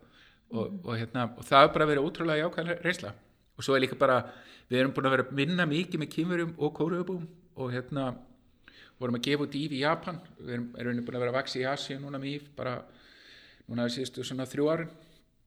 Og það hefur verið alveg ótrúlega lærdomsrikt bara hvað sko, menning og þjóðfélag eru mismunandi og, og það er bara svolítið meir í bóði heldur en veist maður sér í sjónvarpinu hérna á Íslandi. Akkurat. Hérna en núna eru mörg sprótafyrirtæki sem ganga náttúrulega ekki upp og, og náttúrulega þannig að maður hugsa sko veist, hvaða þættir svona teluru að séu hjá CCP sem gera verkur um sko að þið hafið notið þeirrar melgegni sem þið hafið í raun notið? Sko ég held að veist ég held að það er í grunninn til bara algjör afneitun við því að gefast upp. Ég bara, það er bara það. Það er þetta var ekkert hægt bara nema með einhverju sko, einhverju bara sturdlaðri geðveiki og, og, og vissulega hafa margir það til brunns að bera sko. Það er hérna, það er svo sem ekkert hérna er, mað, maður sér það oft hjá íslensku fyrirtækjum en, en ég, ég held að bara stór parturinn af því hafi verið það. En svo nötu við þess mjög að hafa komið, eins og segi, helmingurinn teiminu kemur úr Ós. Og Ós var ótrúlega skóli fyrir ótrúlega mikið af fólki og framleiti alveg störla mikið af reynslu sem veist, varð að einhver leiti innihaldið í að, að hérna, veist, þetta átti einhvern möguleika. Hérna, þannig að ég held að þetta þetta tvent, það var bara veist, þetta var svona einhverju leiti þjálfunabúðir upp í Ós sem undirbúið okkur fyrir það. Eh, það svona styrði okkur í einhverju leiti rétt átt og svo bara neytuðu við að gefast upp. Mm -hmm. og já, ég, ég held að það ég held að það sé það á móti öllu og svo náttúrulega eins og ég fór yfir ég menna það var náttúrulega mörg fyrirtæki og aðalega sem hjálpa okkur veist, það er hérna landsýminn kemur mjög sterkur inn sem hlutafi og hjálpar okkur að reka, nýherri hjálpar okkur með tölvurnar, Novator kemur inn og hérna leysir upp bara mjög erfið málum í, í bara svona hluta á hópa stjórn eftir alla þessa vegferð þannig 2005 sem er General Catalyst veist, og þá eru kannski komin á eins og ég segi beinabrutina en fyrirtæki var alveg bara rambandi á barmi bara hildibis bara frá 97 til 2005 Já, grætt, þetta er svo langt tíma en þú veist, hvernig er að svona sem Frank þurfa að mæta daglega og hérna hveti alla áfram bara þegar maður er svona að díla við svona stóra hluti hvað sé, Um, hinn megin Uh, hvernig er það? Eh, Það er mjög servitt, get ég alveg sagt sko. Það er, hérna, eh, það er ekki, uh, það er ekki skemmtilegt að vera mæti í vinnuna og á sama tíma að vera uh, leggja plönum að reka hundra mann sko. Það er, hérna, uh, maður lærir ákveðna típa tilfinningastjórnum með að gera það. Því að það hjálpar heldur engum, uh, það hjálpar engum í því ferli að maður láta síðan eigin tilfinningar þvælast fyrir því. Hérna, um, þannig að maður að einhverju leiti lærir bara hvernig maður fer með það að hérna þegar maður er í til dæmis þannig verkefnum þá er það snýst það náttúrulega bara um fólkið sem að verður fyrir því sko fyrst fólkið sem þarf að fara og svo fólkið sem verður eftir og, og það er ekkert grín sko hérna, og, og en þannig bara því miður með það eins og annað. Það bara lærist og svo bara byggist upp reynsla hvernig það er gert og, og hún að mörguleiti nýtist líka bara í jónu verkefni. Það er hérna, það að hafa stjórn og skilning á eigin tilfinningum en nú bara ótrúlega mikið það að vera stjórnandi. Hérna, svona skemmtilegt íslenskt orð stjórnandi. Veist maður þeir geta stýrt sjálfum sér ef maður getur, ef maður ætlar að stýra öð, öðrum. Akkurat. En svona, ef þú horfir yfir þessa vegferð alltaf, hérna, hverju ertu svona stoltastur af? hverju er ég stoltastur af? Um, ég er líklega stoltastur af því að það er ótrúlega mikið af fólki veist, unnið hjá CCP og þá mikið hafi gengið á hérna borið í vel söguna og um, og fengið veist, reynslu gegnum það sem hefur síðan nýtt í, í áframhaldinu og, og eins og ég segja heldur þetta segja um fjögur þúsund manns sem hafa nýja fyrirtækinu. Og, og og sko fótspor þess er ótrúlega stort og, og Íslendingar í alveg stórmerk, stórmerkilega hluti alla jarðir. Uh, og hérna og svo er þetta hitt elementið sem er það þeir sem hafa spilað í online hafa sko fengið gegnum það tilgang og hamingju sem að þeir tengja svo stert við að þessi leikur sér til. Þannig að fyrirtækið og leikurinn veist, maður hálfur svona fótsporið sem að er eftir þetta tvent þá er það eitthvað sem að sko skiptir máli finnst mér. Og veist, ég er náttúrulega frangstjóri í fyrirtækinu en, en ykkur leiti veist, þetta er ekki ykkur leiti bara PR-kampæn en samt ykkur neginn það er það er ég, ég getur eiginlega spurt hvert sem er sem að hefur annað spila leikin hérna, að ykkur viti eða unni á fyrirtækinu að ykkur viti að þetta hefur bara bara virkilega skipt máli Akkurat, frábært.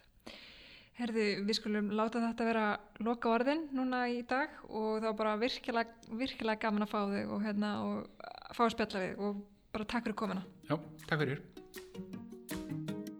Áður en ég missi þig, þá þakka ég kærlega hlustununa og hveti til að fylgja okkur á hlaðvarpsveiturinn þinni og samfélagsmiðlum.